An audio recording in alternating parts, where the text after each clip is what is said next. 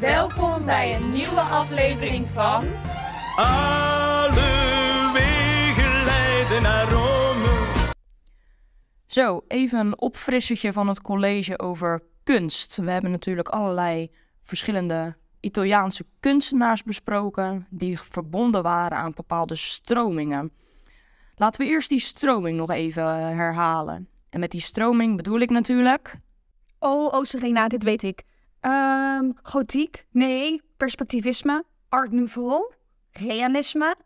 Nee, nee, nee. Ik weet het. Nee, dit is sowieso mijn favoriet. De arts and crafts beweging. Toch?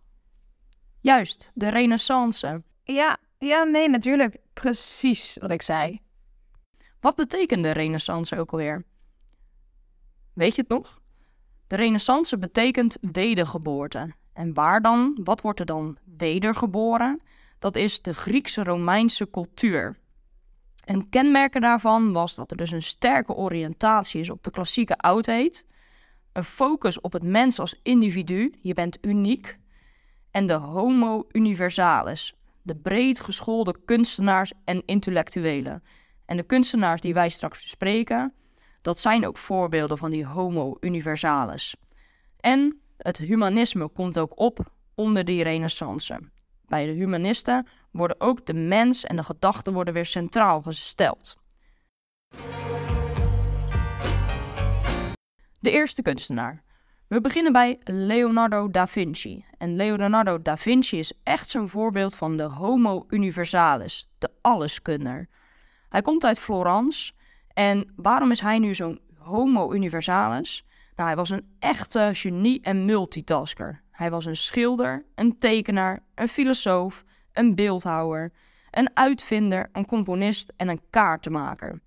Nou, daarnaast was hij ook nog geïnteresseerd in biologie, astrologie, anatomie en geologie. Waarom heet hij nu Da Vinci?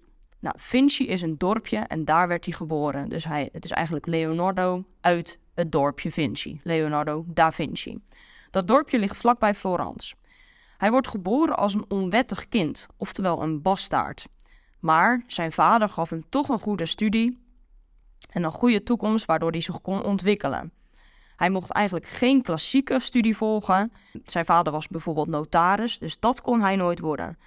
Maar toen hij 14 jaar was, zag men al dat hij talent was en kon hij in de leer gaan bij een kunstenaar. En uiteindelijk groeide hij uit tot een van de grootste kunstenaars. Nou, waar ken je hem nou onder andere van? Zijn bekendste werk, dat hangt in Parijs, dat is de Mona Lisa, het beroemdste schilderij. Gaan we naar de volgende kunstenaar, Michelangelo. Nou, Michelangelo werd geboren in 1475. Ook weer echt zo'n voorbeeld die hoort bij de Renaissance. Zijn volledige naam is Michelangelo di Lodovici Buonarroti Simoni. Dus je kent hem eigenlijk alleen van zijn voornaam, want we noemen hem Michelangelo.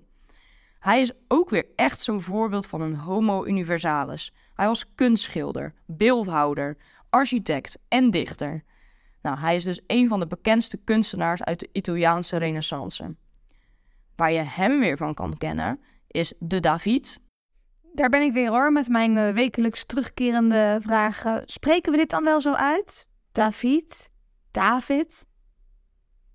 Ik weet het eigenlijk niet eens. Één? Of de David. Dat is een bekend beeldhouwwerk in Florence, dus dat zullen wij niet zien.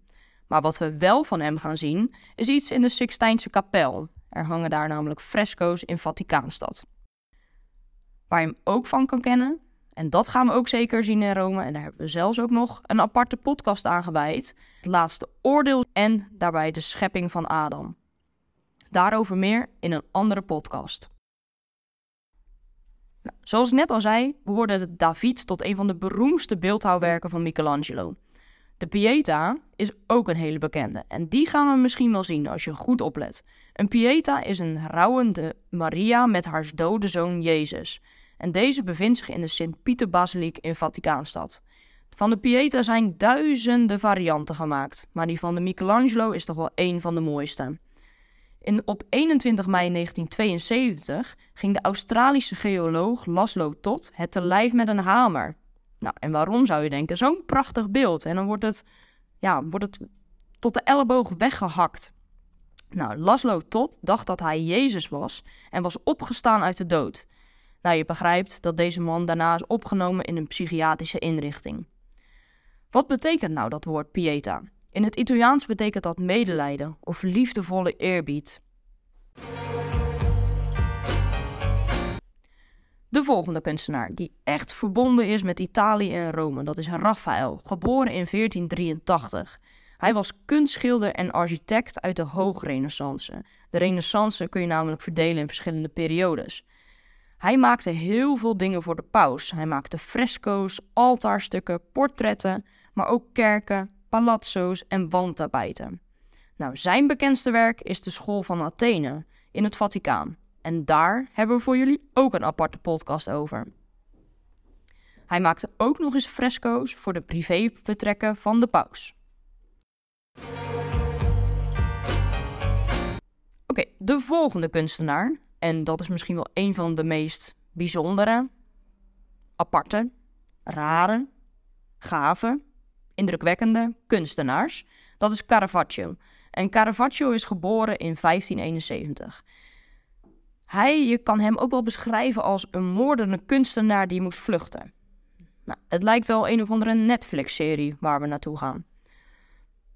Caravaggio was al vier jaar in de leer bij een schilder uit Milaan. Maar in zijn vrije tijd maakte hij er een potje van. Op zijn negentiende jaar vermoordde hij een agent en sloeg hij op de vlucht naar de kerkelijke staat. Nou, dan zijn we inmiddels in 1606. Zijn leven in Rome, want daar woont hij inmiddels, staat in het teken van geweld. Maar toch wordt hij door rijke mensen geholpen om hem uit de gevangenis te halen. Hij pleegt nog een moord, deze keer in een duel, en daarna vluchtte hij naar het koninkrijk Napels. Caravaggio had altijd het verlangen om terug te keren naar Rome. Om de paus over te halen om hem gratie te verlenen, trad hij tot een sociale orde op Malta. Maar na een gevecht, uiteraard, hij kwam natuurlijk weer in moeilijkheden, moest hij vluchten naar Sicilië. Op Sicilië heeft hij heel veel werk als schilder, maar hij begon zich toch weer wat vreemd te gedragen. Hij sliep met zijn kleding aan. Is dat vreemd, met je kleren aanslapen? Ik moet nu ook gelijk denken aan... Slaap je met je sokken aan of sokken uit? Is dat vreemd, dat ik eigenlijk met mijn sokken aanslaap? En verloor zijn zwaard nooit uit het oog. Hij ging terug naar Napels. Nee hoor, is goed door zich heen. Praat er maar gewoon overheen. Ik stel me helemaal kwetsbaar op, maar ga jij maar lekker verder. Nou, eind 1609 komt hij aan in Napels. Het jaar daarop vernam hij dat de paus hem gratie zou verlenen en kon hij eindelijk weer terug naar Rome. Echter zou hij Rome nooit bereiken. Nou, die Caravaggio was dus een figuur wat veel ruzie maakte, heeft gemoord. En dat zie je ook weer terug in zijn schilderijen. Zijn schilderijen, het geweld druipte vanaf. Zijn schilderijen zou je nooit kunnen maken als je niet had gemoord zoals hij zelf had gedaan. Je had gewoon nog geen Netflix of een goede thrillerserie. Uh, hij wilde echt ervaren hoe het was en hoe dat er dan uitzag. En dat liet hij dus zien in zijn schilderijen. We gaan verschillende fresco's en schilderijen van hem zien in Rome, waaronder de Madonna de Pellegrini. En dan moet je echt letten op de vieze voeten, want hij laat het echte leven zien, niet het perfecte. Rembrandt, die een paar uh, decennia na, na hem leefde, die was ook echt een bewonderaar van Caravaggio. Want kijk maar eens hoe hij speelt met het licht en donker. En dat is ook echt iets wat je weer terugziet in de werken van Caravaggio, maar ook van Rembrandt. Volgende kunstenaar, dat is Serasi. En Serasi is een beetje tijdgenoot van Car Caravaggio. En die twee waren ook concurrenten van elkaar. We komen op een plaats in Rome, in de Maria del Popolo. En daar zie je deze twee kunstenaars, hun werken zie naast elkaar wonen. In tegenstelling tot Caravaggio, die het echte leven laat zien, laat Sarasi meer het perfecte zien. Meer de kleur zie je, het, het mooie leven. Oké, er was dus een strijd tussen Caravaggio en Carazzi. En in de kapel waar wij zullen komen in Rome, zie je dus dat Caravaggio even Carracci flink in de maling neemt. Want op het schilderij van Caravaggio zullen jullie een paard zien. En het kont van het paard is gekeerd naar het schilderij van Caracci, Oftewel, kijk eens wat een lelijk schilderij. Je moet naar mijn schilderij kijken. Volgende kunstenaar. We zijn inmiddels bij de beeldhouwers aanbeland en we zitten al in 1598. We hebben de beeldhouwers Borromini en Bernini.